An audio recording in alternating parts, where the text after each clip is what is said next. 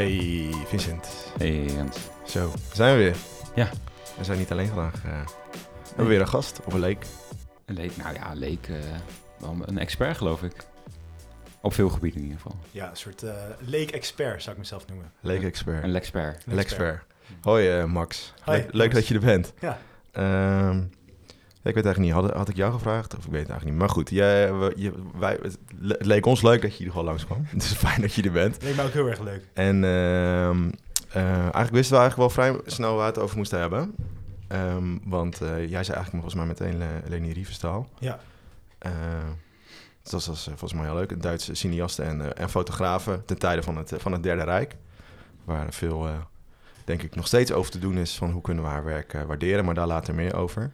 En, ehm, want jij hebt eigenlijk hier in kort iets over geschreven, klopt dat? Ja, ik heb muziekwetenschap gestudeerd. En toen heb ik ehm, een scriptie geschreven over de rol van muziek bij de propagandafilm Triumph des Willens. Mhm. Die zij heeft geregisseerd. En ehm, ja, daar ging het natuurlijk indirect over haar. Of direct ook, want het was haar film. Maar ik deed het dus meer over de muziek. Maar toen Ah. werd ik wel eh, gefascineerd door haar. Dat ze dus een hele innovatieve filmmaakster was. Ja. Maar dus ook aangesloten was bij de nazi-partij. En Ja. hoe dat dan, voor, wat voor rol dat... Dat is de vraag. ja, wat doe je daar dan En wat voor rol dat heeft gehad na de, na de oorlog. Want En- dan komen eigenlijk jouw twee studies een soort van samen. Eigenlijk in, aan de ene kant Lening Riefstaan, aan de andere kant De muziek. de muziek. Ja.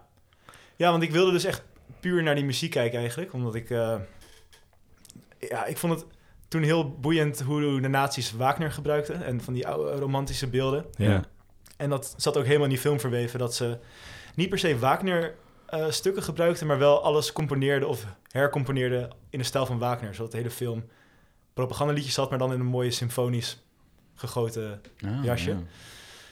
Eh, Leuk, dus toen kwam alles samen. Dus ik, eh, ik heb ooit een jaartje geschiedenis gedaan. Dat ging helemaal niet goed. Toen heb ik muziekwetenschap gekozen, maar uiteindelijk toch nog een soort geschiedenis Ja, studie gedaan. daar begin je niet zomaar aan. Dat blijft altijd, eh, denk ik, toch op de achtergrond eh, interesse wekken. Ja. Ja. En wat, doe, ehm, wat doe je nu? Naast de gamen? nee, grapje. Naast Warzone eh, ben ik bezig eh, met planologie, spatial planning. Nu master. Eh, En dat echt iets heel anders weer dan geschiedenis of muziek. Ja, al zit er ook heel veel geschiedenis in. Ja? Ehm, Ah.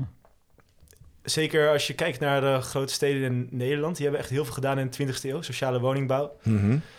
Ehm, eigenlijk iedereen wil in de pijp wonen in Amsterdam. Maar dat Ja. is echt klotterwijk eigenlijk. Ja. Daar zou je helemaal niet willen wonen. Om- Maar nu is het gewoon populair. Maar toen, eh, toen dacht de gemeente Amsterdam in 1900, begin 1900 van dit gaat zo niet. We moeten woningwetten gaan schrijven. Ja. En toen heb je allemaal van die grote woningbouwverenigingen gekregen. Dus dat, eh, er zit een hele grote geschiedenniskant aan. Interessant. Dat is ook wel. Goed, ja. ja. Gewoon al die Amsterdamse school... eh, Ja, precies. Ja, ja, ja. En dan met alle, elke politieke cel eigenlijk ook weer zijn eigen soort van eh, woningbouwvereniging en Klopt, alles wat daarop. eh, dat is inderdaad wel mooi, want ik heb daar ook een soort van vak over gevolgd inderdaad.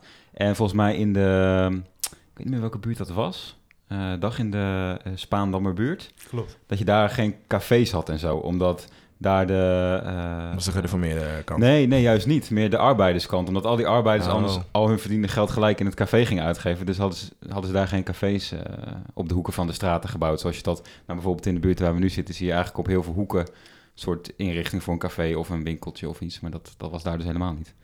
Interessant. Ja. Daar kunnen we misschien nog een keer over hebben. Ja. Kunnen we nog een keer terugkomen. Ja. Volgende Leuk. keer. Als je je scriptie af hebt. Ja, als ik mijn scriptje heb. Dan heb ik de ruimte voor mijn hoofd. Ja, snap ik. Nee, maar vandaag gaan we het over iets heel anders hebben. Over, over, dus over Leni eh eh, Riefenstahl. Maar voordat we daar helemaal ehm, op, ehm, op induiken... is het denk ik eh, ook wel tijd voor een speciaal moment, Vincent. Wat is het? Dit is namelijk onze 50ste officiële aflevering, wist je dat? No way. Ja, ik dacht het ik dacht vorige week nog inderdaad. Maar eh, ik was het nu helemaal vergeten. Nee, en ik dacht, eh, hè, ik, eh, jij wacht volgens mij al een tijdje op wat dingetjes. En, eh, ik, Klopt, ik, ik had- gewoon mijn gage ja, voor, deze, geld, voor deze geld. afleveringen. Nee, en ook wat. ehm, eh, ik had je ook wel beloofd. Ik zei, ja, ik heb een plannetje. Nou, dat komt dus nu uit. Dus hierbij komt het plannetje. Nou, ik, ik pak mijn tas er even bij. Oké. De tas wordt opengemaakt, zie ik. Oh. Hier zul je hem En daar is hij, de wisselbeker. ja, hij is er eindelijk. De een hele mooie gouden Von Ranke bokaal. de wisselbeker. Von Ranke His en Her Story podcast bokaal. Ja. Hij ziet, er, eh, hij ziet er prachtig uit, jongens. ja, mooi hè? En ik dacht, ja, dit kunnen we ook niet. eh, we moeten ook hier wat, wat- wat bij drinken. Nu worden we zo'n eh, Lekkere verse Prosecco. Dus ik, ga, ik ga even wat glazen pakken. Ja? En dan kunnen we die even inschenken. Oké. Nou, Tot zo.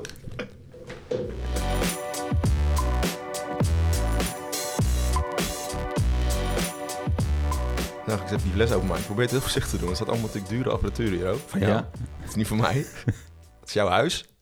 Oh, daar gaat hij hoor. Het is heel eng dit. Eng moment. 50 afleveringen. Wie had dat gedacht? Oh, Zo. ja hoor. Lekker hoor. Wat Nou, een feest. Max hebben we ook wel, hè? Graag. Hij kiest er ook wel uit hoor, de afleveringen, Max. Dat voelde ik al aankomen dit, hè? Ja. Nee, ik had even met hem overlegd. Want, eh, Max gaat nu een klein liedje zingen voor je. Heb ik helemaal speciaal voorbereid voor jullie. Ach. Ik hoop dat jullie klaar zitten. Nee, ik, eh, ik heb ook nog wat, wat, wat facts eh, even opgezocht, op een rijtje gezet. Ik denk, eh hè, 50 afleveringen is ook weer een moment voor evaluatie. Een echte historicus, hè? Gelijk Ja. elk jubileum aangrijpen om er weer een verhaal aan op te hangen. Ja. Nou, dus de, on- onze allereerste aflevering was op 29 oktober 2018, De Rode Baron. En wat grappig is dat we een week later maakten we onze trailer. dus die kwam een week later over. Nou, inmiddels zijn we 50 officiële afleveringen verder. Nou, we hebben nog wat meer afleveringen gemaakt. Eh, nou, een stuk of 20 volgens mij, of een stuk of 18 eh eindexamen specials inmiddels. En twee eh, specials over Almere. Er komen er nog weer twee aan. Dat Ja. ook leuk. Kleine teaser. Kleine teaser.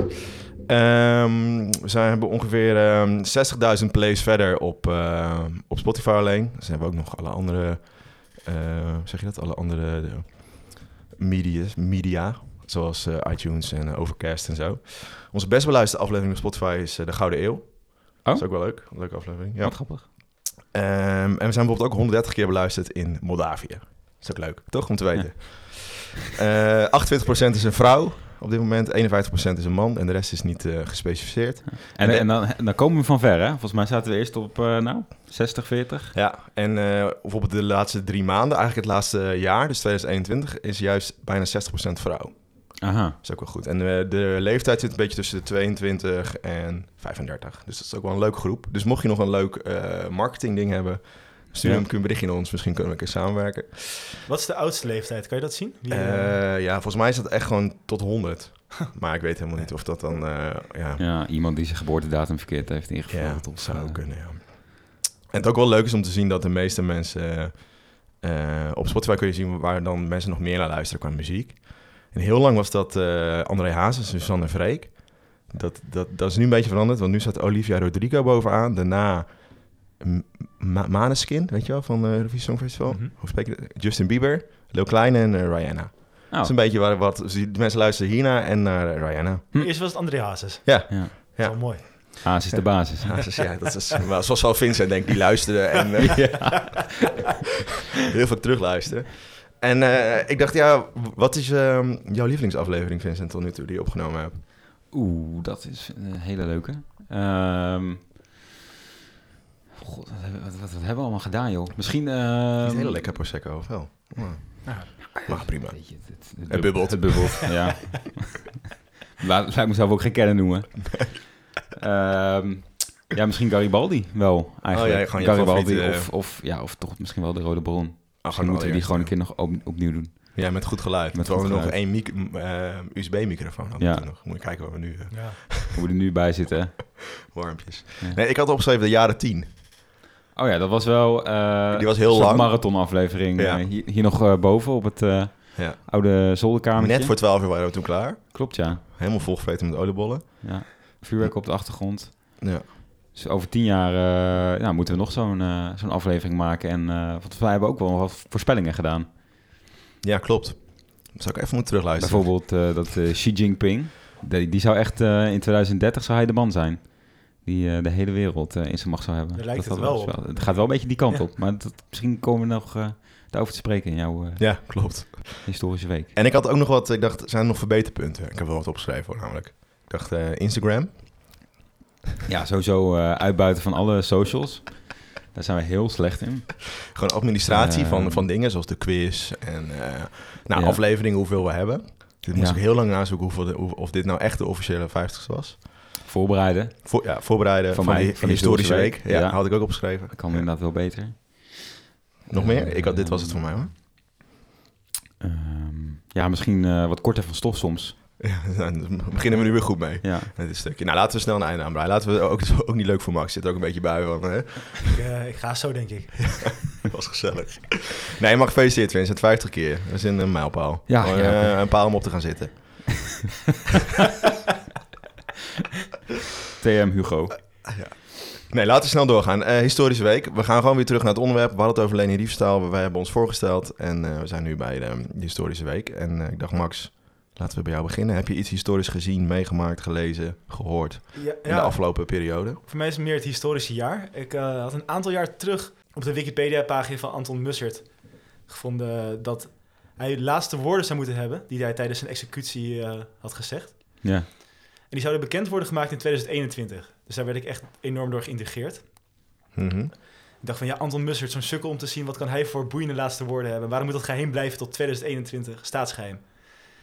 Dus ik wachtte daar een beetje op. En eh, een paar maanden terug, nou, vorige maand volgens mij zocht ik dan op wat het dan geweest moest zijn. Had hij helemaal geen laatste woorden.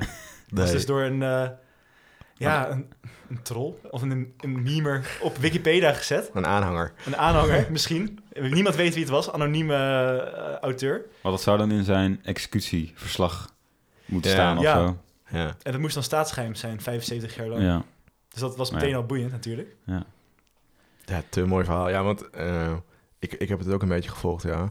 En dat er dus ook een soort van eh, twee gedachten over die, eh, over die laatste woorden gingen. Dus of dat het een soort excuses zouden zijn, of dat hij gewoon iets heel fascistisch zou hebben gezegd. En dat het daardoor eh, eh, staatsgeheim eh, zou moeten blijven. Ja. Maar goed, het blijkt dus gewoon helemaal geen woorden te zijn. Nee. Nee, echt te mooi, toch? Ja. En zeg gewoon iemand die, die dat gewoon bedacht heeft en die, die leugen is gewoon echt zo ver verspreid. Ja, dat laat gewoon zien dat, Fake news. dat je bij eh, historische figuren altijd denkt dat ze boeiende laatste woorden hebben gehad. Oh ja, Ja. ja. zeker. En ja. eh, dat je dus echt moet uitkijken eh, wat er op Wikipedia staat. Zoals ze op de mediatheek vroeger altijd zeiden op de middelbare school. Op Wikipedia, wat daarop stond. Nee, ze zei altijd de Wikipedia. Wikipedia. Dan ga je even naar Wikipedia. Ja, dus dan kunnen we eigenlijk ons draaiboek nu ook wel weggooien. Want ik heb redelijk veel van Wikipedia gehad. Verder klopt het vaak ook Ja. wel. Jawel, jawel, jawel. Dat, dat kan iedereen aanpassen. Hè? Dus iedereen corrigeert elkaar. Het is gewoon peer-reviewed eigenlijk. Ja, maar Max, jij vertelde ook eh, toen we dit aan het voorbespreken waren... dat er iemand al heel lang iets, ook nog iets anders bij Musset's Wikipedia-pagina wil zetten, Ja, toch? ja, iemand probeert al heel lang neer te zetten dat hij zijn lot aanvaarde als een man tijdens zijn executie. Dat is toch ook zo mooi. Ja, iemand wil dat heel graag op de pagina hebben staan. Maar dat wordt dan gewoon elke keer weer verwijderd, ja. Want het is natuurlijk Ja. gewoon een soort mening. Ja, Ja, het wordt wel gewoon gecheckt, dus eh, blijkbaar. ja bijzonder. Ja. En jij, Vincent, heb jij iets eh, voorbereid? Ik heb eh, ja, een soort uitzondering op de regel. eh, heb, ik wat, eh, heb ik wat voorbereid. Of nou, Mhm. voorbereid, laat het ook niet groter maken dan het is. Maar ik wilde in ieder geval even aanstippen. dat de stad Utrecht, na lang onderzoek, dus wel degelijk direct betrokken is geweest bij, eh, bij grootschalige slavenhandel al heel lang. en het slavernijverleden. Dat wist jij natuurlijk al heel lang. Ehm, maar wij, wij, wij gewone, wij normale stervelingen weten dat, weten dat sinds kort. Eh, bijvoorbeeld alle statige huizen rondom het Janskerkhof, eh de Drift, Kromme Nieuwgracht, de Nieuwe Gracht. Gewoon eigenlijk alle nou ja, mooie huizen in het centrum. Die zijn allemaal bekostigd van, eh, van koloniaal geld. Je hebt Hendrik Zwellen-Grebel, die ooit gouverneur was van, van de Kaapkolonie. Die ligt begraven op Janskerkhof. Ja, zo'n JP Koen eh, 2.0, zeg maar. Ja, is- maar ook bijvoorbeeld de ook, universiteit en de gemeente en de Rooms-Katholieke Kerk. Ja. Eigenlijk ja, gewoon de hele stad. Want van andere steden was het, eh, was het al wel duidelijk, zoals Amsterdam, Den Haag, dat daar heel veel eh, ja. gefinancierd was eh, door de VOC en daardoor door eh, slavenhandel. Alleen in Utrecht eh, was daar blijkbaar nog een, eh, nog een onderzoek voor nodig en dat is dan nu eh, geconcludeerd. Ja, en ook dat Utrecht, Utrecht ook wel een soort bolwerk was voor, ehm, zeg je dat, de, de anti-slavenbeweging vanaf de 17, 1800. Ja, En dat kwam voornamelijk omdat het een soort remonstrante eh, stad was. Dus vanuit een geloofsperspectief eh, waren heel veel mensen tegen slavernij. Dus dat is ook wel interessant, dat Ja. dat juist eh, ook uit dat onderzoek kwam. ja. Want, want de Nederlandse staat is dus nu ook verplicht door een uitspraak van de rechter om daar ook iets mee, iets mee te gaan doen, toch? Oh, dat weet ik niet zo goed, waar je nu... Of was het de rechter? Nee. advies of zo. Het nee, dat was het advies. van, Ja, die, eh, van gisteren. van die commissie. eh, inderdaad, gisteren is dat eh, naar buiten gekomen. Waar, Op eh, 1 juli, tijdens Kotti. ja, ook Katie Kotti, ja. En dat 1 Ja. juli inderdaad ook een, eh, feestdag moet, eh, Moet worden. moet worden om het toch eh, nou ja, bij, bij iedereen onder de aan, aan, eh, aandacht te krijgen. Ja. Ik weet niet wat jullie daarvan vinden. Katie Kotti, Nationale Feestdag. Ja, ja wat mij betreft prima, want eh de, beetje het argument wat je nu hoort is dat het, eh, volgens mij omdat het eh, heel makkelijk valt, in, of tenminste dat het onhandig valt voor de werkgever, Oh dat het net voor de vakanties is. ja. Eh, en dat niemand eigenlijk eh, dat weet wat het nou precies inhoudt. Maar toen dacht ik, Hemelvaartsdag. Ja, Ja, Geen idee toch? Mensen hebben ook geen idee wat er dan gebeurd is. En dat valt op een donderdag. ja, Altijd. Waarom is dan dit niet... eh, dan schaf je die toch af en dan doe je toch deze. Ja. En dan zou ik ook zeggen, eh. 1 mei erbij. Gewoon eh, dag van de arbeid. Ja, suikerfeest. Suikerfeest. ja, wat, ja. Mij, wat mij betreft wordt er niks afgeschaft, alleen maar toegevoegd. Oh, ja. Ja, dat drinken we nog één op. Vrijdag? Eh, waar kunnen we dat eh, tekenen? Nee, klopt. Ja, het is wel, het is wel ja, interessant. En ja, wat, ik dan, wat ik dan weer interessant vind, is dat daar dus heel veel personen in genoemd worden in dat onderzoek. Ja. Maar die hebben dus allemaal geen straatnamen in Utrecht. Terwijl er wel een hele koloniale buurt is met koloniale straatnamen. Ja. Dus heeft iemand, in, nou die straatnamen zijn in 1900, die heeft nooit die link gelegd tussen eh, Utrechtse gouverneur-generaals bijvoorbeeld en, eh, en die straatnamen. Terwijl er wel allemaal gouverneur-generaals een straatnaam hebben in Utrecht, maar geen Utrechtse gouverneur-generaal. Nee, precies, precies. Dus dit is zo belangrijk, of zeg je dat? Ja, zo dat- duidelijk was dat misschien ook dan weer niet. Ja. Dat was natuurlijk ook meer voor het Nederlandse Ja, nationalisme. Het niet, snel, eh, eh, ja, klopt, Om eh, Utrecht... eh, teren. nou. U. Nee, leuk. Ja, dus, eh, dus dat eigenlijk. Nou, goed voorbereid. Ja. Knap hoor. Nou ja, weet je, eh, je vijftigste aflevering. Je doet je best. Je wordt steeds beter. Ja, leuk. Zou ik ook zeggen wat ik dan... eh, Nee joh, laten we door. nee, vertel, vertel. Ik ben een en al oor. Nou, ik had dus de, de, gisteren, ook op 1 juli, was de eh vierde China 100 jaar communistische partij in, eh, in China.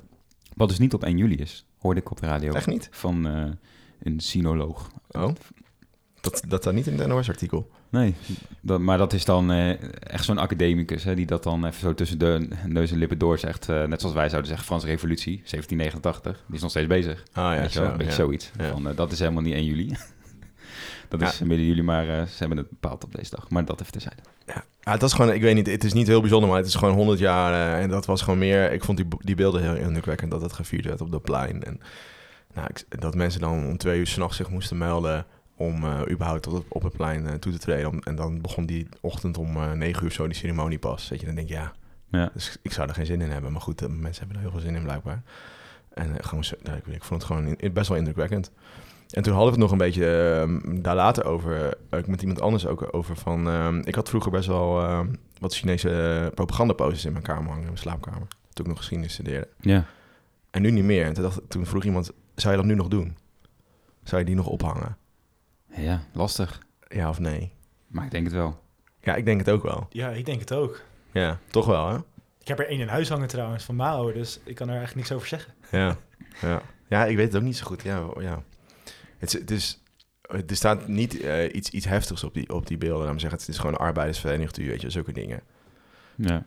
Maar aan de andere kant... Maar ja, om het nou, ja, uiteindelijk onder Mao, Stalin, ja, Lenin dan misschien iets minder, maar zijn wel natuurlijk gigantisch veel mensen de gulag gegaan. Ja. ja En. Hitler zou je niet aan de muur hangen. Nee, daarom. Nee. Nee, Maar nee. goed, dat, ik wil het ook niet helemaal vergelijken, maar... Nee, ik ook niet. Nou, dat vond ik een interessant, maar daar gaan, we, daar gaan we het vandaag niet over hebben. Maar het sluit wel een beetje aan op het onderwerp namelijk. Oh. Eh, want we gaan het dus hebben over, over Leni Riefstaal. Eh, zoals ik al gezegd heb. En we zitten eigenlijk nu midden in de sportzomer. Nou, het over het EK hoeven we het niet te hebben. Eh, maar, Nee. de, maar de Tour gaat heel goed, begreep ik, voor Nederland. Ja. Gele trui, nog Gele steeds. trui, maar ja, goed, die gaat, uh, Die gaat wel, Die gaat ja. hem afstaan. Ja, en de, spelen, de Olympische Spelen beginnen over, over enkele weken. En, en we kijken eigenlijk nog steeds dus heel veel sport met elkaar. En vooral live vanaf het bankje. En eh, bijvoorbeeld eh, in 2016 volgden bijna dagelijks 6 miljoen mensen de Olympische Spelen live op televisie. Dus die keken dan een, een onderdeel van de Olympische Nederland? Spelen. In Nederland, ja. Dat is echt heel veel. Hm. En nu ook, ik kijk best wel veel voetbalwedstrijden van het EK. Dat is gewoon leuk. Ehm, dus ja, dat gebeurt eigenlijk eh, nog steeds heel veel. En een beetje een van de grondleggers van, van die sportsbeelden, sportjournalistiek, is, Le- is Lene Riefenstaal. Dus dat is wel interessant. Terwijl ze dus ook een eh, best wel een donker eh, randje heeft. Nou, een heel donker randje. Waar la- daar, later, Gitzwart. daar later meer over. Laten we beginnen bij het begin, bij, bij, de, bij de biografie van, eh, van Leni. Ze is geboren in, in Wedding. Dat is een wijkje in Berlijn, wat destijds ehm, nou, dat bekend stond als eigenlijk een misdadigers- en de arbeiderskolonie. Dus dat was niet zo'n, is een beetje een ghetto. Als dochter van een loodgieter. En in haar jeugd werd ze heel erg door haar vader kort gehouden. Dat is wat je heet overal leest. Dat zijn toch altijd dingen die dan heel benoemd worden bij zulke mensen. Van hoe hun relatie was met hun ouders. Ja. Ehm, tegelijkertijd was ze ook een knappe, knappe vrouw, een knap meisje. Ze had, eh, genoot heel veel aantrekkingskracht van, eh, van mannen. En dat zie je ook. Dat zegt ze ook altijd in haar, bijvoorbeeld in de documentaires die over haar gaan. Dat benoemt ze altijd dat ze altijd een knappe vrouw was. Vind ik ook wel interessant dat ze dat zo als zelf benoemd. Maar goed. Ehm, eh, en vooral haar moeder zag dat ook. En die, die wilde gewoon dat zij, eh, dat zij gewoon de entertainment-industrie inging. Hè? Dus een filmster werd eigenlijk. Ja. Ja, want Eh, zij ontsnapte ook samen aan die vader, die Ja. hun dus om- onder de duim hield. Ja, want die vader wil zochten ze gewoon... hun- ja, troost eigenlijk in de, in de theaters en gingen ze daar, ja, ja. daar, daar voelde zij zich thuis. Ja, ja. en eigenlijk, hè, ze, ja, doordat ze dus ontsnapte met haar moeder daaraan en dus juist naar die theaters ging, kwam ze ook langzaam in dat wereldje een beetje terecht. Omdat ze dus ook zo knap was. Wordt dan ook heet het weer nog een keer aangestipt. Ehm, en haar moeder was ook wel echt, die, die joeg dat wel aan, hè, want ze moest wel eh, echt die vrouw, ze moest gewoon die, die popster eh, worden. Eh, en in 1918, toen was, ze 16. ehm, en toen was ze, ja, de deze voor het eerst auditie voor Sneeuwwitje. Ehm, en toen dacht ze, dacht ze ja, dit is echt mijn, dit, dit wil ik echt worden. Ik wil gewoon die, die filmindustrie in. Maar nog steeds, haar vader wilde het niet. En die wilde gewoon dat ze naar school zou gaan. En eh, nou, die wilde niet dat ze die, dat ze die, die kant op ging. Maar haar, moeder die bleef dat eh, maar aansporen. En uiteindelijk is het eh, gelukt zonder, zonder kennis, of zeg, zonder weten van haar vader... heeft ze het toch voor elkaar gekregen. En ging ze naar de dansacademie en kon ze... ja, dus langzamerhand de eerste stappen zetten in de enter- entertainment-industrie. En dan ging ze, heeft ze eigenlijk in verschillende films eh, geacteerd in het begin. Maar ze vond dat filmen, dat, dat acteren vond ze wel interessant, maar eigenlijk vond ze het filmen veel leuker. Dus achter de camera staan vond ze veel leuker. En dan zie je ook dat er heel veel foto's zijn van haar dat ze aan het acteren is, maar dat ze dus ook juist eh, zodra de, de scène voorbij is, achter die camera kruipt en kijkt hoe haar beelden eruit zagen en hoe het beter kon en hoe ze het beste kon, eh, kon, kon opnemen. Ja. Eh, en zo eh, kwam ze eigenlijk eh, steeds meer in aanraking als, eh, als, als cineast, als, als filmer, als regisseur. En, Ja, want ze werd ook hele goede vrienden of zelfs een liefdesrelatie geloof ik met Arnold Frank. Ja. Bekende regisseur, ook van die eerste films waar zij dan... ja, was hij niet van Joodse afkomst ook? Waar zijn er in zat? Nou ja, dat is... dat, dat noem je al iets. Ja, zeker. Eh, nou, daar hebben we misschien zo meteen, eh zo meteen even over. Ehm, wat ik trouwens wel nog opvallend vond, dat wist ik dus niet. Ik weet, nou moet ik zeggen dat mijn kennis over eh, Duitse cinema in de jaren twintig niet heel hoog is. Eh, maar dat daar dus heel veel eh, alp- alpine, al- alpine films werden gemaakt. Wat Ja. een soort westerns Ja, waren wat een, beetje van de, de- Duitsland. ja, wat een beetje de western was voor Amerika, was, was alpine eh, Ja. tra- trage- tragedie eh, voor Duitsland. ja, dus- dus in sneeuw, hoge eh, bergen, sneeuw. eh, Met van die honden ja. achter je aan. Ja, klopt, klopt. Dat vond ik wel grappig. Maar zij kwam dus, want eh, vertel dat verder, Vincent. over Ja, nou, die- ze kwam dus in aanraking met die, eh, met die Arnold eh Fank, of eh Fank, hoe je het wil noemen. Ehm, en zij heeft eigenlijk met name aan, aan, aan hem, eh, ja, haar, eh, hoe noem je dat? Zich aan hem eh, geschaard, zeg maar, om, eh, om verder te komen in het eh, wereldje. En hij heeft gewoon heel erg haar gestimuleerd om dat Ja. ook op te pakken verder. Ja, ja, en door hem is ze dus uiteindelijk ook, want ze speelde dus een rol in die film inderdaad. En door hem, door, door haar relatie met hem, is ze ook meer achter de, achter de camera terechtgekomen. Ja, en toen kon ze dus uiteindelijk haar eerste, haar eerste film maken in, eh, in 1928. Ja. Eh, nou, en tegelijkertijd, eh nou, 19, de Roaring Twenties, het nazisme komt op. Hitler grijpt langzaam aan de macht. In 1929 is, is de beurskracht enorme ehm, economische neergang, ook in, ook in Duitsland. Ehm, maar haar films werden eigenlijk heel goed bekeken en ook heel erg goed gewaardeerd. Vooral die Alpine films. Door bijvoorbeeld Goebbels en, en Hitler. En die zagen daar wel, wel brood in, in zo'n vrouwelijke regisseur. En eh, zij kwam ook steeds, dus ze werd eigenlijk gevraagd, en ze kwam steeds meer in, de- in die kring van, eh, van die hoge, hoge top. En daar begint eigenlijk haar, eh, haar echte carrière. Want doordat ze zo dicht staat bij, bij Hitler en bij Goebbels, krijgt ze ook alle middelen om, om te doen wat zij zou willen. En ook alle mogelijkheden om dat, dat te ontwikkelen. Want Goebbels vooral, die zag, haar, zag in haar films wel echt een manier om juist het propaganda, dat nazisme te, te verspreiden. En dan komt denk ik, dat sluit ook aan bij jou Max, bij je, bij je scriptie die je schreef over de muziek. Ja. Dat, dat, ja, dat is gewoon, komt allemaal samen dan in die, in die films. Weet je, kun je iets vertellen over die muziek nog? Want je hebt in het korte begin aangestipt over dat van Wagner. Ja. ja, dus bij die film werd heel slim gebruik gemaakt, eh, gemaakt van muziek. Eh, werd wel door een componist echt helemaal, eh, helemaal gemaakt voor die film. Maar Ja. ze hadden bijvoorbeeld, zoals partijlied Horst Wessel, hadden ze helemaal Wagneriaans gemaakt met orkest. En dan heb je een, hele mooi, een heel mooi intro van een vliegtuig. ja, Daar moet Hitler dan in zitten, die eh, naar Nuremberg vliegt. ja, En dan hoor je de Horst Wessel in Wagneriaanse klanken. En dat is dan heel mythisch hoe hij dan aankomt vliegen met zowel Wagner, maar ook dat partijlied. ja. En in zijn vliegtuig komt hij naar die stad en dan komt alles bij elkaar. En dat is gewoon heel knap in elkaar gezet voor een film. Wat dus ook heel erg laat zien hoe effectief zo'n film kan zijn voor een publiek. Want die denkt van, oh, het klinkt zo mooi en daar komt hij daar komt aan in het vliegtuig. Ja, ja. En dit, dit is dus de, de, de, het zijn haar eerste suc- grote succes. Is namelijk Triomf eh, des Willens. Eh, een film uit 1935. Het gaat eigenlijk over de eh, Rijksdag. Eh hoe heet het ook weer? Nee, niet de Rijksdag, de Rijkspartijdag, sorry. Ja. in, ehm, in Nuremberg. Die zij dan helemaal vastlegt en dan maakt ze een soort eh, film van. En die film wordt dan beschreven door de nazi's als een film door nazi's, voor nazi's Mhm. en over nazi's. Dus het moet helemaal eigenlijk het hele eh, nazisme uitkleden, laten zien wat het is. En dan komt het in wat jij net zegt, eh, Max, over die enorme... eh, zeg je dat? Ja, hoe noem je dat? De enorm grote... eh, ja, bombastisch. eh. bombastische muziek Ja. en, en scènes waarin Ja. Hitler aankomt als de redder eigenlijk. De, de savior Want van voor de leek onder ons, Wagner, dat is bijvoorbeeld ook van die eh helikopterscène in eh Apocalypse Ja, Now van ja, die, dat is, dat, een beetje dat werk. Ja, ja, dat, dat je daar iets bij voor kan stellen. Ja, oh ja, zo ja. ja, Ja. En eigenlijk wordt die film, eh, in die film gebruikt ze heel veel technieken dus voor het eerst. Maar dat komt dus ook omdat ze dus zoveel middelen heeft en zoveel financiële mogelijkheden om dat eh, eh, eh, te doen.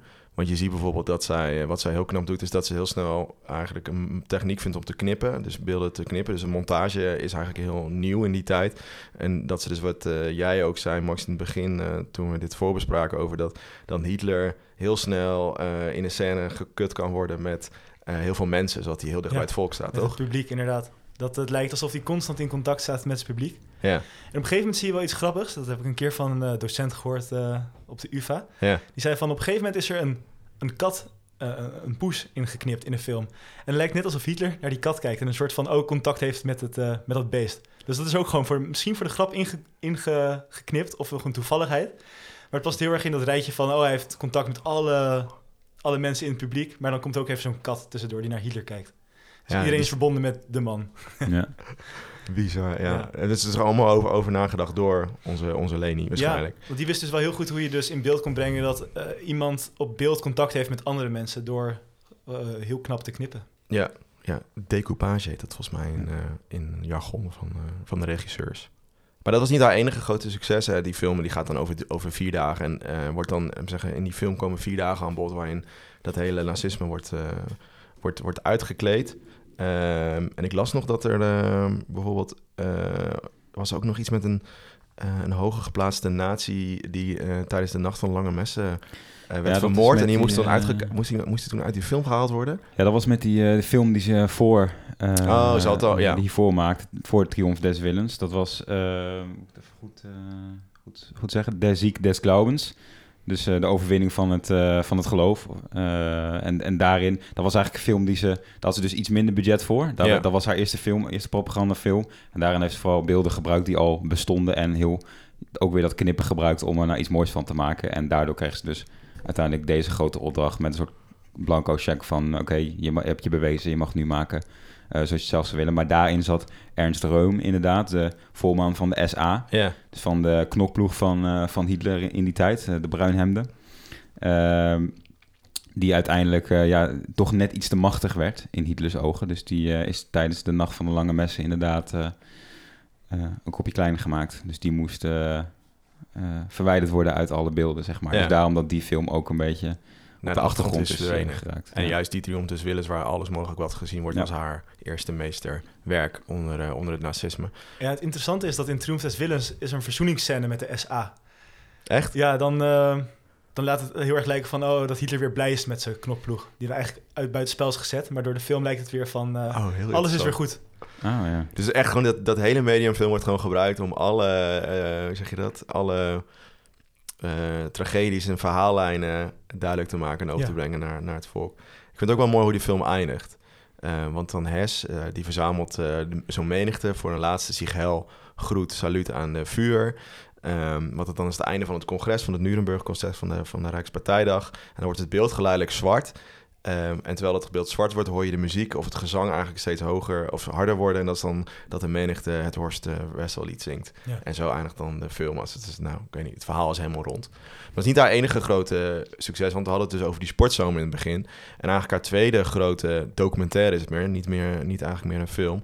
eh, namelijk over de Olympische Spelen in 1936, was eigenlijk nog wel misschien wel nog bijzo- bijzonderer qua dingen die zij eh, voor het eerst deed, qua innovaties die zij gebruikte. Eh nou, de, de Olympische Spelen waren in, eh, in Berlijn in, in 1936. We kennen denk ik allemaal wel die verhalen. En we kennen ook wel de beelden, denk ik, van, van de sporters die wel of geen eh Hitler goed brengen. Maar ook bijvoorbeeld het beeld van Jesse Owens, die dan volgens mij de 100 meter in ieder geval de sprint wint. Ik weet even niet of het echt de 100 meter is, maar... ehm, eh, en die dan eigenlijk ook een beetje... nou, nou, dat beeld kennen we in ieder geval. Eh. Maar daar gebruikt ze heel veel nieuwe technieken eh, en, zet, en maakt ze eigenlijk, of zet ze eigenlijk de basis voor, voor de hele sportjournalistiek eh, en het vastleggen van, eh, van wedstrijden, Ja. van sportwedstrijden. Ik weet niet of jullie die film, of jullie wel eens iets gezien hebben op internet, op YouTube ervan. Ja, deels. Deels heb ik hem... eh, Ja, en jij Vincent? Ja, net een paar beelden inderdaad Oh, net. om Ja, voor, het is, voor te be- bereiden. het is best, eh, best im- impressive, vind ik. Ja, zeker als je bedenkt dat dat eh 1936 36. is. Eh, ja, al, al die technieken die zij verzint, namelijk ook vanuit het idee van de kijker thuis, of, of thuis, maar in ieder geval, of in de bioscoop waar dat toen eh, bekeken werd, Ja, die moet ervaren ook eh, eh, hoe het is echt op dat moment en hoe knap het ook is wat iemand doet. En, en dat zag je echt bij haar beelden heel erg, eh, heel erg terugkomen, voor mijn gevoel. Bijvoorbeeld door slow motion, hè? Ja. Techniek die ze toepassen, dat je veel beter kan zien hoe iemand nou precies over zo'n polstok hoog, eh, hoog springen, hoe, hoe die daar overheen springt. Ja. Er werden gaten gegraven. ja, de camera's in de grond, zodat Ja. je eh, bijvoorbeeld Een een, soort horde lopen van, ja, van onder kon zien. Ehm, nou, ze had camera's op liften, dus je gewoon eigenlijk die hele grote groep mensen, wat we nog niet zeiden bij Triumph des Willens, maar dat was daar ook heel bijzonder, dat ze eigenlijk in één keer in één shot zoveel mensen in één keer in beeld kon brengen. Dat was bij de Olympische Spelen ook. Ze had onderwatercamera's, dus zwemmen kon ze bijvoorbeeld vast, eh, vastleggen. Dus dat is allemaal best wel, ehm, eh, best wel bijzonder. Maar het sluit ook wel denk ik wel een beetje aan bij het nazisme, toch? Dus de verheerlijking van het menselijk lichaam en vooral het sportieve eh, mannelijk lichaam. Ik weet niet hoe jullie daar naar kijken. Maar daar moest ik ook meteen aan denken. Die kogelstoten die dan zo met die, dat gespierde torso daar staat. Die dan ook elke keer gebruikt wordt als, als de stil, laten we zeggen, die je overal op internet nu ziet. Ja. Toch? Ja. Ik weet niet, hoe je, ik weet niet of jullie daar nog iets anders over ja, willen ik zeggen. denk dat het eh, een soort hele samenvatting is van het eh, fascisme in ieder geval. Dus Ja. gewoon de sterkste wind. Ja, En dat komt ook terug op de Olympische Spelen dan, van de sterkste wind. ja. Ja, ja het, het staat natuurlijk eh, sowieso buiten kijf. Hoe je ook tegen Lening Riefstal aankijkt. Eh Triomf des Willens en de Olympische Spelen zijn filmtechnisch. eh, en dat wordt ook door iedereen erkend. eh, gewoon meesterwerken eigenlijk. Hè? Ja. Ehm, dus, dus ik denk voor dat deel zijn we het nu nog redelijk eens. maar misschien dat we na de quiz even kunnen gaan kijken hoe, eh, ja, hoe, hoe moet je dat nou precies inschatten. hè? Zo'n zo'n vrouw die gelieerd is aan het naziregime. Kan je het echt waarderen dan? Ja, hoe, hoe gaan we daarmee om? Is goed, maar eerst tijd voor de quiz. Zo, tijd voor de quiz. En nu, nu, ja, nu weet je een keer waar we echt voor spelen, hè, Vincent? Met ja, die ik, ik zie het eh, voor me staan. Ehm, wat is de stand? 5-5. Het staat 5-5 tussen ons en het is drie voor de leken slash gasten. En als de leken en gasten nou aan het einde van het jaar als winnaar uit de bus komen, Ja, dat had ik ook opgeschreven. moet hij dan eh, om de week naar eh, iedereen toe? die beker? Ehm, nou, verzinnen we wel. Dan moeten we hem op- om de kop of zo neerzetten, zoiets. Oh ja. Gestolen worden. Of eh, we verzinnen wel iets op. Ik denk niet dat we hem hier... Want daar zijn, we kwijt. En hij was best duur. Dat is best duur hoor. Nee, tijd voor de quiz. En dit is ook denk ik wel, ook wel een beetje tijd voor revanche, man. Ik heb al een aantal afleveringen op rij geen, geen goed antwoord meer gegeven. Vorig jaar had jij me ook fout op de vraag waar of niet waar van eh, vanaf de 10e tot de 14e eeuw bestond de Vagriaanse garde uit gevangen genomen Britten. Toen zei jij dat is waar. Maar was het niet waar, want het bestond uit vikingvrijwilligers. Ja. Zoals je al zei in de aflevering. En de vraag van mij was welke methode bracht vanaf de 16e eeuw een revolutie teweeg in de landbouw van Engeland en eh, Holland. En leidde uiteindelijk tot de intensieve landbouw. En ik zei brakke grond en drieslagstelsel. Maar het was wisselbouw. Wisselbouw. Ja. Nou, zeg me nog steeds Nu is niks. er niet groot mee geworden. Nee, ja, wij niet in ieder geval. Nee. Maar dat is dus eh, eigenlijk een beetje hetzelfde als drieslagstelsel, toch? Ja, nou ja, wel dat je, dat je optimaal je land benut. En als je, volgens mij, als je twee jaar aardappels doet in, in, in, in een stuk land, moet je het jaar erop even bieten doen om, de- om de bodem weer een beetje Ja. in balans te brengen of zoiets. Zoiets is het. Maar ik dacht dat het, dat het aardappels was, dat dat de revolutie was. Omdat dat ook vanaf die periode naar Europa kwam. Ja. En dat was een soort van, dat kan ook op hele oude, hoe zeg je dat, zwakke grond eh, groeien. Zoals eh, Ja. op de Veluwe. De vader houden. Ja. Maar eh, dat was het dus niet. Maar goed, het is tij- tijd voor de quiz. Eh, Max, jij doet mee. Ja. Ehm, wil jij beginnen of eh, denk je van, nou, kijk eerst even één vraag aan en daarna ga ik. Ik kijk even een vraag aan. Wil jij dan be- beginnen? Zou, zou ik voorlezen? Of, ja, of, gelezen. Nou, pak het woord. oh, zou ik mijn eigen vraag voorlezen? Nee. Even kijken. Oh ja, zo doen we het altijd, hè? Met ja, even bladeren bladeren, zo. bladeren ja. ja. Ja, zeg maar eens even stop. Eh, 1800 tot 1849. Nou, Nou, deze moet je hebben. Eh, waarvan we één vraag al hebben gehad. Ooit. Eh, dus we houden twee vragen over. mhm. En dat zijn vraag 1 en 3. Doe En maar. 3 is met een kaartje. oh, doe maar vraag 1 dan. Kan niet zoveel kaartjes. Dat is waar of niet waar? Oh, dan, 50%. 50% Toch? zit je, zit je al. Snelle. Eh, waar of niet waar? In 1800 kochten de Verenigde Staten van Frankrijk het uitgestrekte in Noord-Amerika gelegen Louisiana-territorium. Kochten zij dat? Kocht Frankrijk in 1800 van de Verenigde Staten het in Noord-Amerika gelegen Louisiana-territorium? Dit is altijd zo vreselijk. Je gaat zo enorm twijfelen. Ik denk, dacht namelijk niet dat ze dat kochten. Ja, dit boek zit soms ook wel Ja, vol met strikvragen. met fouten. Toch? En met fouten, Ja. sowieso. Ja. Nee, we hadden een keer een fout gevonden. Ja. Nog niet opgestuurd naar de uitgeverij. maar ehm, nee, ik ga voor niet waar. Jij gaat voor niet waar. Ja, dat is hartstikke goed. Yes. Niet waar. Zes punten. Nadat Spanje door Napoleon Bonaparte was verslagen, werd het land gedwongen het territorium aan Frankrijk af te staan.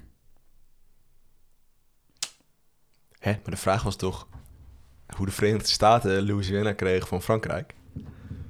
Dus dan klopt het antwoord toch niet, de redenering? Of ben ik nou... eh, Ja, ik, ik las het ook voor. Nadat Spanje door Napoleon Bonaparte was verslagen, werd het land gedwongen het territorium aan Frankrijk af te staan. Ja, dat klopt gewoon niet. Want wat is de vraag ook weer precies? In 1800 kochten de Verenigde Staten. ja, of, of ik lees het verkeerd voor, dat kan ook nog, maar ik heb er nog nooit van gehoord. Dat moeten het zijn de Verenigde Staten van Frankrijk als één land of zo. In 1800 kochten de Verenigde Staten van Frankrijk, één land, het uitgestrekte in Noord-Amerika gelegen Louisiana-territorium. En dan zou je kunnen zeggen, nadat Spanje door Napoleon Bonaparte werd verslagen, werd het land gedwongen het territorium aan Frankrijk af te staan. Gaan we dit live... eh, eh, Maar ik heb nog nooit Checken? gehoord van de Verenigde Staten van Frankrijk. Maar dat is dan misschien met de overzeese gebieden erbij of zo. Laten we het eh, checken. Ja, het is een verdrag van San eh, Ildefonso uit 1800, waarbij eh, op 1 oktober 1800 Spanje het gebied Louisiana afstond aan Frankrijk. Dus het gaat om de Verenigde Staten van Frankrijk. En Louisiana is dan ook wel een nieuw Frankrijk genoemd. Oh. Ja, nou, ik vind het maar raar. Maar goed, ik heb hem goed en dat is het Ja, goed, en daar gaan we het uiteindelijk om. Dus, Maar goed, Parijs is nog ver. ja, daarom. Zes, het is eh, zes puntjes voor mij. Eh, nou, een vraag voor jou, eh, Max. Je weet eh, hoe dichter naar de... Is... eh, Hoe makkelijker de vragen Ja. zijn. Dus eh, ik doe heel lang. Stop. De collofoon. 2018, nee, grapje. Eh 1925, 1945. Nou, dat is precies waar we nu in zijn in, met ons verhaal. Ehm, een eh, vraag tussen de 91 en 100. 99. 99.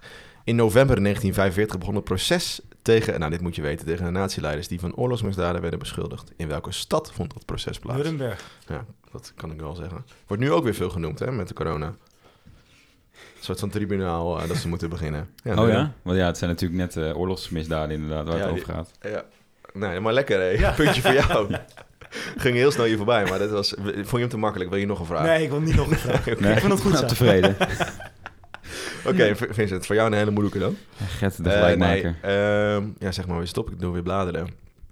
Jij gaat altijd voor ver terug, vind ik. Stop. Oh nee, valt mee. We zijn bij eh 1900, 1924. Nou, En je mag kiezen voor een vraag tussen de 45 en 49.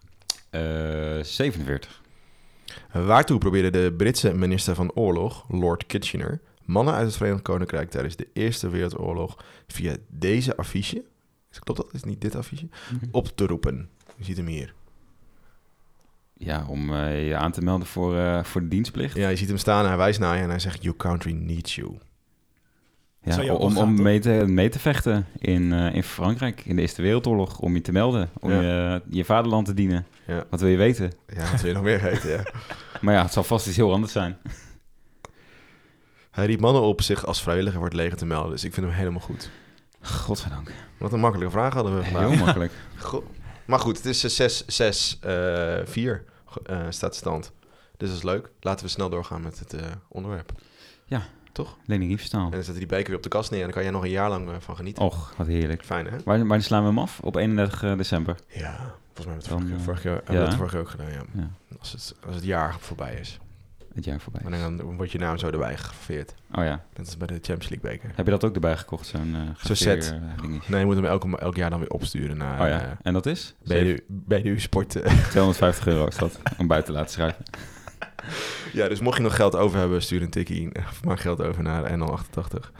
Nee, ehm, we, hadden het, eh, we, we sloten net af over die eh, films. En jij zei, Vincent, eh, dat haar werk in ieder geval... nou, Zeggen, als je kijkt puur naar het werk, wordt dat enorm gewaardeerd. Of voor, door het innovatieve, karakter. Eh, maar ook gewoon wat ze heeft eh, neergezet.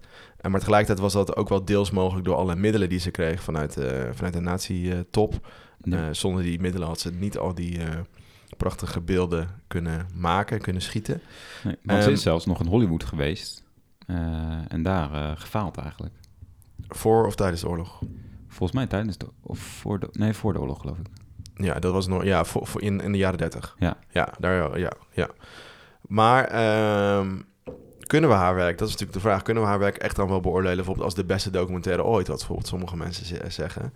Ehm, en dat vind ik wel, eh, wel lastig. Wat, wat denken jullie daarvan? Tenminste, zal ik zeggen wat ik denk als Ja. eerste? Zeg Ja. maar.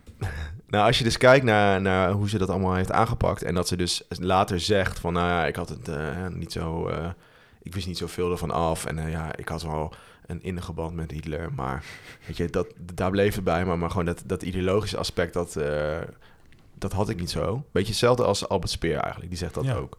Hè, van, ja, ik, door, hem, door hem had ik de mogelijkheden om mezelf te ontwikkelen als architect. Dus door hem had ik de mogelijkheden om mezelf te ontwikkelen als, als regisseur, als filmmaker.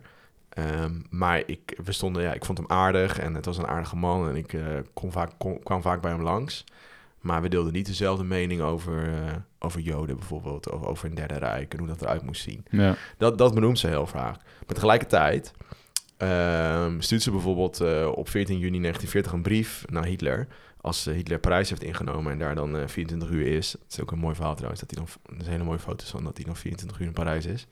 Ehm, dat, hij, dat zij, dan schrijft zij dat eh, with eh, indescribable joy, deeply moved and filled with burning gratitude, we share, we share with you my fear. You, your and your Germany's greatest victory. You exceed in everything. Nou, bla bla bla. Dus gewoon helemaal een eerbetoon aan, eh, aan hem. En dan zegt ze er later over van... ja, nee, dat bedoelde ik niet zo. Ik dacht, nu is de oorlog voorbij. En ik ben zo blij dat hij de oorlog heeft beëindigd... door Parijs in te nemen. Ja. Ehm, nou, een ander verhaal... wat, ze dus, wat, wat ook heel vaak eh, aangehaald wordt bij, bij dit onderwerp... is dat zij tijdens de Tweede Wereldoorlog... Een film met een film bezig was, Tiefland. Een film die eigenlijk nu bijna niet meer voorkomt op de lijstjes... die zij eh, van, van haar... Zeg je dat? Hoe zeg je dat? De lijstjes van films die ze gemaakt heeft... Ehm, want voor deze film werden heel veel figuranten gebruikt uit voornamelijk eh, concentratiekampen. veel Roma en Sinti. Ehm, uit het concentratiekamp ehm Marzaan. Eh, en die werden dan verplicht om mee te werken aan die film door Leni en, en ook nog zelfs uitgekozen door haar.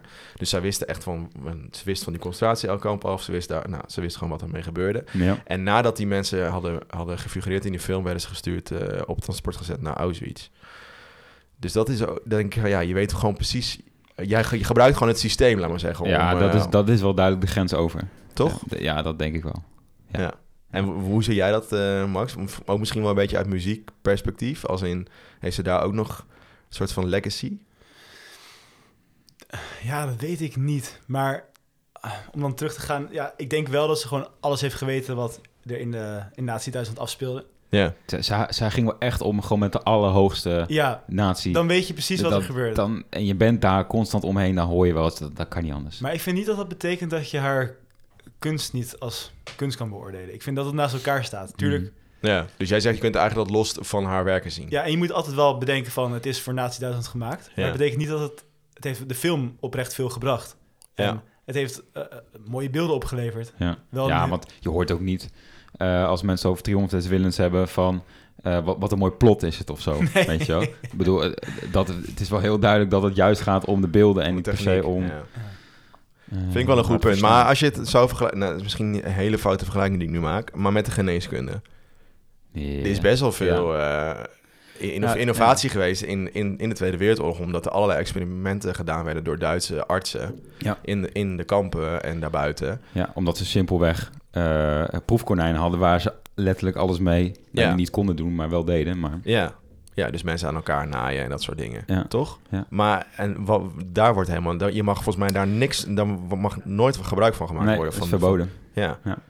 Maar wat is daar... Ja, dat is het, daar dat zit natuurlijk wel een verschil tussen, denk ik me nu, als nu ik dit uitspreek. maar ja, ja, kun je dat vergelijken? Of ging ik me nu op heel glad ijs? Ehm, nee, dat kan je denk ik niet vergelijken. Nee. Nee, want, want het, het daadwerkelijke het ding wat je aan het doen bent, dat is al een misdaad op zich, zeg maar. Het- Ja. Het maken van een film is geen misdaad. Ja, goed punt. Ja. Ik denk dat, dat dat wel het verschil is. Maar eh, ik heb bijvoorbeeld eh, mijn eh, bachelorscriptie over eh Pijke Koch geschreven. Kunstenaar, ook tijdens de Tweede Wereldoorlog, hier in Utrecht. Eh, bijvoorbeeld eh, ontwerpen van, alles, van alle lantaarnpalen langs de Oudegracht bijvoorbeeld. Ehm, die heeft ook postzegels gemaakt voor de nazi's en eh, wat, wat andere dingetjes, wat andere schilderijtjes Lekker gemaakt. dingetjes. Hij heeft een zelfportret van zichzelf met een, met een soort zwarte band. Dat zou duiden op dat hij fascistisch Ja. was. Nou ja, goed, conclusie van mijn scriptie was dat hij wel een soort aristocraat was met een paar fascistische trekjes. Maar dat dat ook weer redelijk snel weg was, omdat hij de nazi's ook maar een beetje dom volk eh, vond, zeg maar. En uiteindelijk meer kunstenaar werd. Eh, maar hij werd dus ook betaald, eh, in principe door de nazi's, om, om die postzegels te ontwerpen.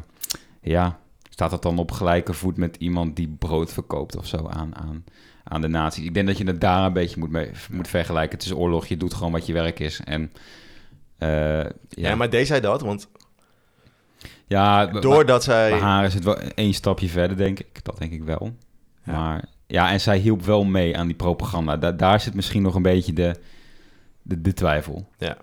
En wat ik ook nog wat lastiger vind, is dat zij... ehm, dus ook, dat heet het gewoon, dat ze ontkent. Ze heeft dus nooit excuses of iets eh, aangeboden. Omdat zij dus vindt dat ze geen excuses hoeven aan te bieden. Vanuit haar standpunt. Nee. Ehm, maar ja, het heeft nooit... eh, ze, ze is nooit meer echt aan het werk gekund na, na, na de Tweede Wereldoorlog. Maar dat neemt ze heel erg kwalijk. Ja. Omdat ze nooit meer een carrière heeft kunnen maken.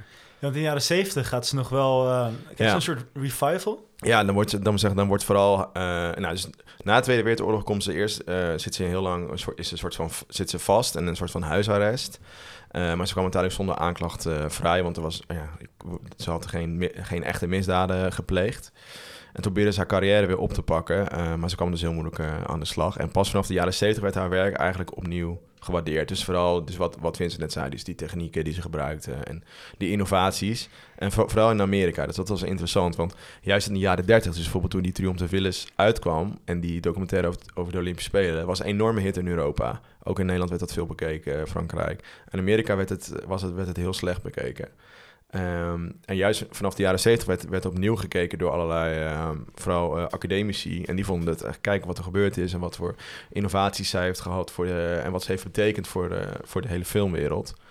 Eh, en daardoor Hmm. kon ze eigenlijk haar werk weer een soort van oppakken, maar ook weer dus niet echt, want ze ging voornamelijk onder water dingen maken. En eh, bijvoorbeeld ook naar Afrika, naar, naar Sudan, om de Nubu eh, vast te leggen. Dat is een lokale bevolking en vooral foto's daarvan te maken. Maar daar kwam ook weer heel veel kritiek op. eh, van ja, dan is er weer een witte vrouw die dan, dan naar Sudan gaat en dan die vrouwen gaat en dan die, die stammen gaat vastleggen. En dan ja, Ja. hè, Ja, is dat ook is... weer een beetje een foute machtsverhouding, laat maar zeggen. En daar komen daar weer allerlei ehm, eh, artikelen en, en essays over. Er is een heel bekend essay van Susan Sontag, die daar eigenlijk gehakt maakt van haar in 20 pagina's. Eh, Fascinating eh, Fascism heet dat. Dat is ook wel interessant. Ja, het is een beetje lastig. Ze heeft nooit, volgens mij, ze heeft nooit meer de carrière gehad voor de, voor, dan dat ze had voor de Tweede Wereldoorlog. En ze is uiteindelijk wel heel oud geworden, want ze is eh, in 2003 overleden op 101-jarige leeftijd. Ja. Ehm, dus en in is ook- 2002 heeft ze nog wel excuses aangeboden hè, aan, de, aan de Roma en de Sinti. Ja, dus aan de Roma en Sinti Alleen- in, voor dat voor specifieke... dat, voor dat stukje, voor, die dat- film. Ja, ja, en dat was ook omdat zij een rechtszaak hadden eh, waren Ja, begonnen. Ja. Dus dat is misschien ook wel weer... ehm, Wat, weer wat misschien ook nog wel opmerkelijk is, en eh, je had natuurlijk aan de andere kant heb je nog eh, Marlene Dietrich, die in die tijd ook een hele bekende Duitse actrice was, die wel in Hollywood heel bekend was en actief was in, in die tijd. ja. Dus misschien heeft zij ook wel last gehad van een soort vergelijking, goed-kwaadachtig iets van of je bent voor Marlene Dietrich of voor Leni Riefenstahl. Leni Riefenstahl is nazi en Marlene Dietrich staat voor alles wat eh, de nazi's heeft overwonnen. En misschien dat daar ook nog wel iets zit waardoor ze niet meer ja. eh, ook niet geroemd kon worden om haar eh, prestaties. Maar dat is even een hersenspinsel. Ja. Ja, ik vind het wel heel interessant. Maar mag ik dan concluderen voor ons drieën dat we... ehm, dat we dus, laten we zeggen, die innovaties en wat ze heeft betekend voor de film, dat, dat kunnen we wel waarderen. Ja, respecteren. Dat, Respecteren. Ja. Dat, dat, ja, en ik vind ook wel dat je de films mag kijken en dan denkt van wat een mooie beelden. Het wordt een ander verhaal als je denkt van wat een mooie boodschap. Maar de beelden Ja. zijn heel mooi, Ja, denk ik. Want het ziet er mooi uit, het is heel gelikt. En je kan ook daardoor zien van, als je zegt van het ziet er mooi uit, dan snap je ook waarom mensen het zo aantrekkelijk vonden. Dan kan je ook voorstellen van ja, het ziet er nog steeds mooi uit. Dus ik kan me voorstellen dat mensen in de jaren 30 dachten van wow, nou, ja. die hebben het wel voor elkaar met z'n allen. Dat maakt het, als je dus benoemt dat het mooi eruit ziet, kan je ook beter begrijpen waarom mensen meegingen in zo'n propagandaapparaat, denk ja. ik. Ja. Vind ik wel een heel goed eh, punt, Max. Ja, heb je helemaal gelijk. Ja, ik moet eerlijk zeggen, ik heb gisteravond ook eh, bijna die hele documentaire van Oli- over Olympische Spelen. Ging van de ene sport naar de andere sport, van hockey naar boksen. Dat is echt super interessant. Ja. Gewoon die zulke snelle eh, montages allemaal. En gewoon, ja, je bleef maar kijken. Ja. Misschien dat dat ook is omdat ehm, dat wij natuurlijk niet helemaal in die filmgeschiedenis zitten, dat het haast voor ons normaal lijkt. Omdat je het met nu aan het vergelijken bent, maar dat maakt het des te eh, bijzonderder eigenlijk, Ja. die beelden. Ja, ja klopt. Ja, ik heb wel een paar filmvakken, filmvakken gevolgd. Toen moesten we, wel, moesten we wel over haar... Moesten we die documentaires kijken. En moesten we ook eh, eh, zo'n documentaire kijken... eh, de- in, vanuit volgens mij jaren negentig... Waarin haar, waar zij haar verhaal doet. En daar... Ik heb een soort kriebel om mijn keel. Even hoor. Oh nee. Ach, get. Ik word helemaal emotioneel van, eh, van dit onderwerp. Ja. Tot de vijftigste aflevering ook, hè? Dat, Ja, dat, goed, dat, daalt nu in. Nee, maar wat, wat ik wilde zeggen is dat je in die documentaire een soort van verbeterde vrouw ziet die echt klaar is met dat mensen het over dat onderwerp hebben en gewoon zeggen, ja, ik wil het er gewoon niet meer over hebben, weet je wel. Maar dat is ook, Ja. doordat ze gewoon dat helemaal dat hele onderwerp soort van blokkeert, wordt het misschien nog wel erger, dacht ik juist. En toen kreeg ik een soort hekel aan haar. ja. En nu weet ik nog steeds niet wat ik er van haar vind. Maar daarom, eh, ik weet niet, ik heb een beetje een gespleten eh, mening over haar. Ja, dat zou ook nooit veranderen, Nee. denk ik. Nee, allemaal, allemaal dus. Maar ik vond, was het wel helemaal eens met wat Max net zei. Nou, dat, dat je ook wel leert over, eh, over die tijd. En dat zijn natuurlijk Tuurlijk. enorme interessante Ja. bronnen voor een historicus om te kijken naar die films. Ja. Ja. Zij, heeft wel, zij heeft wel beeld gegeven aan, eh, aan die periode. Aan ideologie. En dat, dat, dat is mooi afsluiten, toch? Ja. Nou, bedankt Max. Ja, Vond je het ik vond leuk? Ik vond het heel leuk om mee te Heb je alles gezegd wat je wilde zeggen? Ik heb alles gezegd wat ik wilde zeggen. Had je niet eh, nog een sponsorcontractje ergens afgesloten als je de naam zou laten vallen? Dan moet je dat nu doen. Dan eh, dat knippen we nog wel in. Ja. Oké, ja. Zing nog even een jingle. Sport live. Zoiets. Nee, bedankt voor het luisteren naar de 50ste, 50ste aflevering. Wij gaan door. Het is nu wel ehm, vakantietijd. Ja, Hebben we niet over gehad nog, Vincent. Gaan we nu, eh, maar zijn we er over twee weken zijn we niet, maar over drie weken wel. over drie weken, over drie weken zijn we er weer. Ja, want dan ben ik terug van vakantie. Kunnen we daar lekker, eh, kan ik lekker over Waar vakantie ga je naartoe? Italië. Italië. Ja. Waar ligt dat? Eh, een beetje het zuiden van Europa. Ah ja, leuk. Eh, het is geel, dus ik kan er gewoon naartoe. En ik slaap eh, aan de Via Garibaldi. Nee toch? Ja, dat is mooi toch? Dat is mooi. Ja, En welk deel van de laars is dat? helemaal in het noorden, Milaan. Ja. Dat is Milaan. wel, wel Genua. Is, of, of is het Via, nee, Via Garibaldi is in Genua. Daar slaap ik. Genoa. Ja. Hey, bedankt voor het luisteren en eh, vertel het door. En tot eh, over drie Ja. weken. En Like, eh, oh ja, wil je ooit een keer te gast zijn eh, als Max en vertellen over je favoriete historische figuur? Want dat was, dat was Leni toch voor jou? Ja, je posters van haar. toch? Over posters gesproken, dat dat kan. Eh, stuur dan gewoon een berichtje en eh, dan kom je gezellig langs. En dan hebben we in ieder geval wat te drinken voor je. Ja, misschien geen Prosecco, dat kan ik niet maar, beloven. Nee. maar wel We misschien hebben wat lekker koffie ook. Koeken. koeken. Eh, Ja, dan laten we snel een koek Ik heb geen koek gezien. Nee, dus we gaan eh, snel afsluiten. ja, Hey, bedankt tot de volgende keer. Yo.